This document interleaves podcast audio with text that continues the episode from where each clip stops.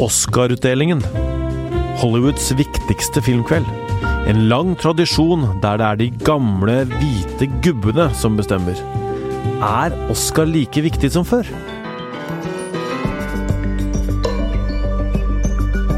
Jeg heter Tor Erling Tømt Ruud, og dette er Verdensgang. Nå er det Oscar-utdeling for 92. gang. Det er rød løper, det er høy glamourfaktor og verdens største kjendiser som da møtes i norsk tid klokka to natt til mandag. Men Oscar har fått en alvorlig undertone også. VG-journalist Ingvild Dybfest Dahl, du har skrevet mye om film her i VG. Og er Oscar-utdelingen like viktig som før? Ja, Vi som elsker film, liker jo å mene det. Vi kan si både ja og nei, fordi det er Den får jo færre seere. Det er ikke så bra. Samtidig, så selv i disse strammetider, så har det vist seg at det å bli nominert til en Oscar gir filmer faktisk et ganske betraktelig løft i kinobesøket. Så sånn sett så er det jo veldig viktig for filmer strategisk økonomisk å bli Oscar-nominert. Men du kan si på den andre siden Citizen Kane, 2001 En romodyssé, Taxi Driver Ingen av de var nominert til beste film. Så det går an å ha suksess kulturelt uten å bli nominert til Oscar. Gamle klassikere der, altså. Vi får gå rett til favoritten i år. Det er The Joker. Nominert til elleve priser. Filmen om hvordan Batmans erkefiende The Joker blei som han blei. Det er en veldig mørk film, og hovedrollen spilles av Joken Phoenix. Han er ikke så veldig glad i rampelyset, men han møter opp denne gangen. Hvorfor gjør han det, tror du? Denne gangen tror jeg han har bestemt seg for å bruke det rampelyset som kommer med nominasjon, ikke bare til Oscar, men alle stedene han har vært nominert, til å drive sin egen agenda, som jo også er da en miljø- og dyrevernsagenda. Så han har kombinert Altså, han er jo en fyr som ofte holder seg unna røde løpere. Det er ikke så ofte man ser han der i det hele tatt.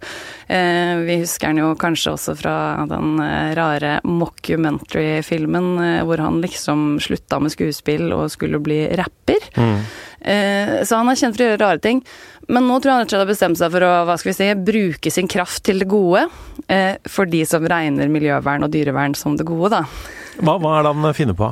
Nei, Han har annet det vi vet. Det er jo en svensk journalist som er med i den her Hollywood Foreign Press Association som arrangerer Golden Globe.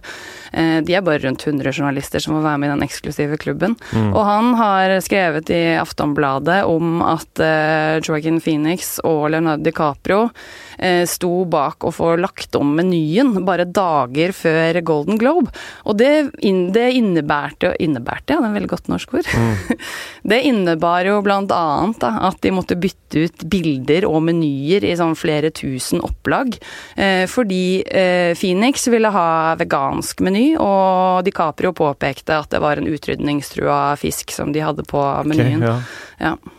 Og, og, det skjer nå også på Oscar? Det har spredd seg, ja. Så ifølge amerikanske medier så er det nå fem eh, prisutdelinger som totalt da har snudd etter at Phoenix har lagt press for å få vegansk meny, og Oscar er den siste ut da, til å legge om meny. Er det ikke noe kjøtt der i det hele tatt, da? Altså, Da det var den såkalte Oscar-lunsjen som de har for de nominerte for en uke siden, da hadde de et vegansk eh, tilbud i tillegg.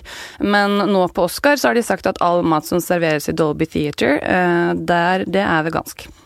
Og så er det vel sånn at uh, han uh, Mr. Phoenix kommer vel til å komme opp på scenen og motta en eller annen pris her. Det er en stor sjanse for det, iallfall. Og jeg vil tro at uh, de som står bak Oscar, gru, gruer seg litt til det.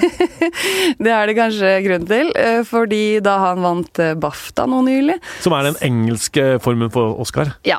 Og da han kom på scenen under BAFTA, så brukte han jo det til å påpeke at han var en privilegert fyr, så, og at vi måtte, hele industrien burde da gjøre noe for å bekjempe det han kalte systematisk rasisme.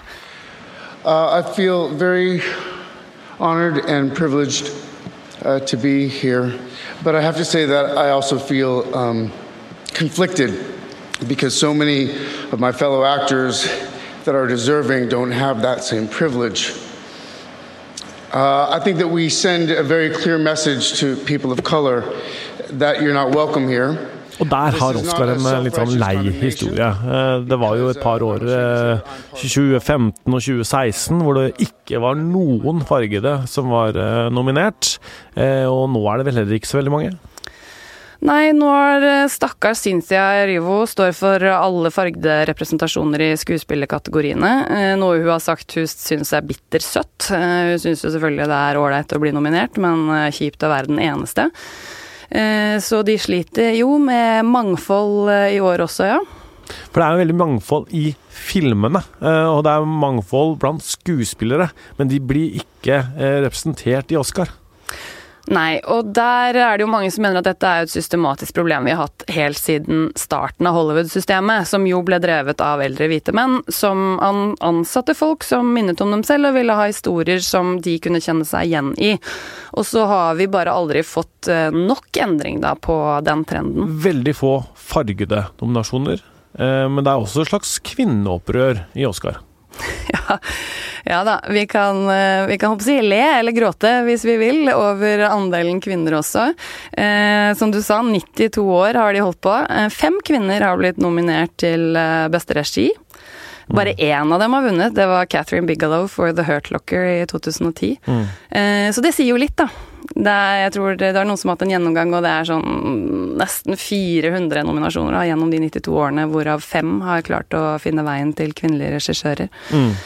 Uh, og også greien er at det, kan, det er ikke så gærent med kvinner når du går gjennom liksom absolutt alle kategoriene. For det er jo liksom kategorier som uh, sminke og hår og kostymedesign, hvor det tradisjonelt har vært flere kvinner. Og beste kvinnelige og Selvfølgelig. Ja. Men de som da har gått gjennom og luka ut de kategoriene som er da bare Som er som kjønns... Uh, som er merket med kjønn, da, mm. Eh, de har funnet ut at det bare er 14% av alle nominasjonene siden da, på de 92 årene, så er det bare 14% av nominasjonene som har gått til kvinner.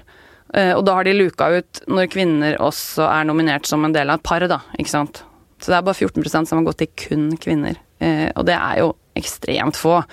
Og vi kan jo skylde på noen tiår med Hollywood-system, men kvinner har tross alt vært involvert foran og bak kamera, i hvert fall de siste ti årene. I en så lang eh, historie med veldig få kvinner, hva svarer Oscar-akademiet på dette?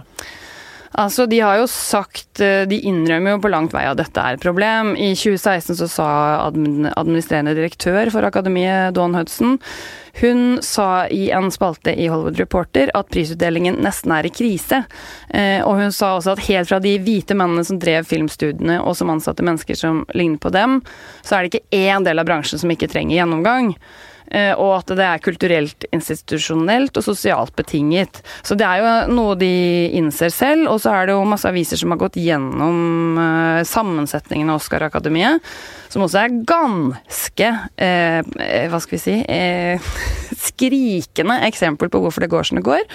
Eh, I 2013 så var det LA Times som gikk gjennom, og da fant de ut at det var 93% som var hvite, 76% var menn, og snittalderen eh, var da 63 år. Mm. Gamle hvite menn. Gamle hvite menn, og det er ikke en overdrivelse å si det engang. Eh, da var de rundt 6000 medlemmer, og så tok de et grep. Da gikk de ut med pressemeldinger og fortalte at nå skal vi, som, nå skal vi satse på mangfold. Og de inviterte mange yngre, eh, mange fargede, mange Altså, de inviterte rett og slett filmskapere eh, av litt mer mangfold enn liksom, hvite menn og kvinner som hadde, vi hadde allerede sett i 20 filmer i Hollywood. Og hva skal vi si, vi har fått litt bedring. Nå er det totalt over 8000 medlemmer i Oscar-akademiet, så økningen er jo da på over 2000. Mm. Eh, men en oppramse, eller jeg så en gjennomgang nå nylig eh, fra Quartz som sier at fremdeles så er 84% hvite og 68% menn. Så det er en vei å gå fremdeles. Og noen kommer jo med argumentet men hvorfor er det så viktig? Altså, den beste filmen vinner. Den beste mm. prestasjonen skal belønnes. Dette skal ikke kvoteres, det skal ikke gå på kjønn, det skal ikke gå på farge på huden din. Ingenting. Det er jo greit nok. Men dette er jo ikke en, en 60-meter hvor du kan måle hvem som er best. Dette er jo subjektive oppfatninger, og hvis du har en velgermasse som stort sett er eldre hvite menn, og så skal de se det er 400 filmer da, de kan velge i. Mm. Og så gidder de bare se de de og kameratene sine har prata om. Det har noe med smitteeffekten der òg. Mm. Vi kan jo ikke bare si at det er opplagt at den beste vinner. Det er det på ingen måte. De må først gidde å se de mindre, uavhengige filmene som ikke har så stor backing fra studioer. De, er også, de kan også nomineres. Men hvis ikke de ser de, så blir de ikke nominert. Så det er der jeg tror ofte problemene starter. Og det er jo en annen ting med årets uh, utdeling av Oscar, fordi uh, Netflix står for en stor del av uh, nominasjonene. Netflix-filmer har til sammen er det 24 nominasjoner. Hvordan spiller det inn i dette? Ja, det er jo en ny rekord i år. Jeg tror Netflix er veldig fornøyde. Men eh, hva skal vi si, der, en, eh, der, står det jo en slags eh, kamp mellom gamle og nye Hollywood. Mm. Og er nye Hollywood i det hele tatt Hollywood? Eller er nye Hollywood strømmetjenester? Eh, den trenden blir jo veldig spennende å se på framover. Men regissører eh, som Steven Spielberg har jo vært imot eh, at Netflix skal være filmer du kan kunne nominere til Oscar. For de stemte om dette akademiet i 2019, etter at da For da hadde jo var det 2018 eller 2019, det var vel 2018 hvor Roma ble, ble nominert til beste film. Den veldig gode svart-hvitt-filmen. Ja. Og det var jo en revolusjon at for første gang kom det da en strømmetjenestefilm inn og ble nominert til beste film. Eh, og da ble det også en diskusjon om det var greit. Mm. Fordi kravet da for å bli nominert eh, er jo annet at du må ha du må ha kinodistribusjon, men det må du kun ha i et visst antall kinoer i Los Angeles fylke. Mm. Så det er jo egentlig, hva skal vi si, ganske lett da, i hermetegn for en film å bli nominert, og så må den, da må strømmetjenesten ikke slippe den før samme dag eller dagen etter at den har hatt kinodistribusjon, og, og så kan den bli nominert.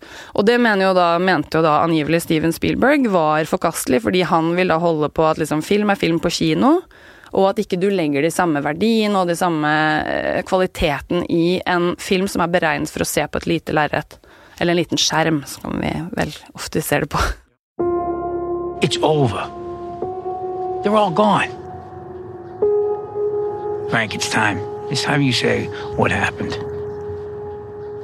Men, men, sånn som uh, The Irishman, da, som er en av disse Netflix-filmene, uh, den hadde jo ikke blitt laga, den, hvis det ikke hadde vært for Netflix. Det har jo Scorsese sagt.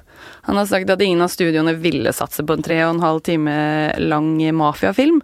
Uh, og da fikk han sjansen til å gjøre det på Netflix, og tok den. Og det skjønner jeg jo, og det ser vi, og det har vi jo sett de siste årene.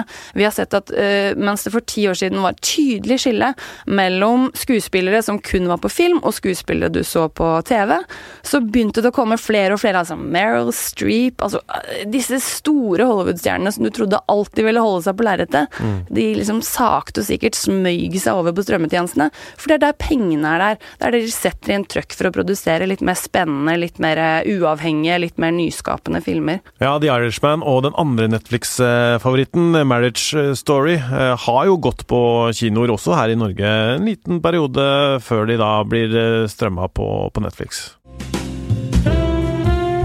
Ok, eh, du skal sitte pal og se på, regner jeg med? Det skulle jeg gjerne gjort hvis den hadde gått på en norsk kanal som jeg hadde tilgang til. Nei, det går jo ikke i Norge. Nei, Oscar sendes på dansk TV 2, er det nærmeste man kommer. Eh, og så jeg skal prøve å stå opp i tre-fire-tiden for å hekte meg på. Eh, hadde jeg hatt tilgang til å se TV-showet, skulle jeg gjerne gjort det. Hva er dine favoritter, da? Eh, ja, der er det liksom, står det mellom den prestisjen i å tippe riktig, som egentlig var ganske lett i år, tror jeg. Mm. Eh, men jeg hopper over det. jeg vil da vinne personlige favoritter. Eh, er Antonio Banderas for bestemannlige hovedrolle for eh, Pain and Glory. Uh, altså, jeg, han gjør sitt livs rolle i den filmen. Han var helt sykt god. Uh, og så i bestemannlige mannlige birolle I'm Rick Dalton. It's my pleasure, Mr. Schwartz. Så er jeg også liksom splitta, fordi Brad Pitt har jo vært Han var min aller første kjendiscrush. Så jeg føler at hvis jeg sier han, så er det liksom tenåringen i meg som snakker, fordi jeg syns han var helt fantastisk i den filmen. Once upon a time in Hollywood.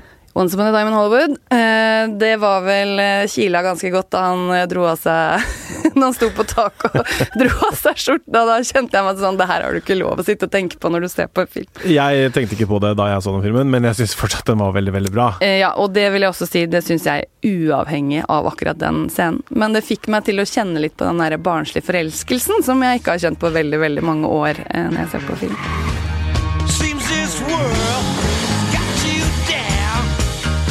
Vi får se mandag morgen når vi våkner da. Eh, våre nattevakter i VG skal i hvert fall følge med og gi de beste oppdateringene på det. Podkasten Verdens gang lages av Emilie Hall Torp, Kristine Hellesland, Nora Torp Bjørnstad og meg, Tor Erling Tømterud. Magne Antonsen er teknisk produsent. God helg! Embarrass yourself like front of all those goddamn.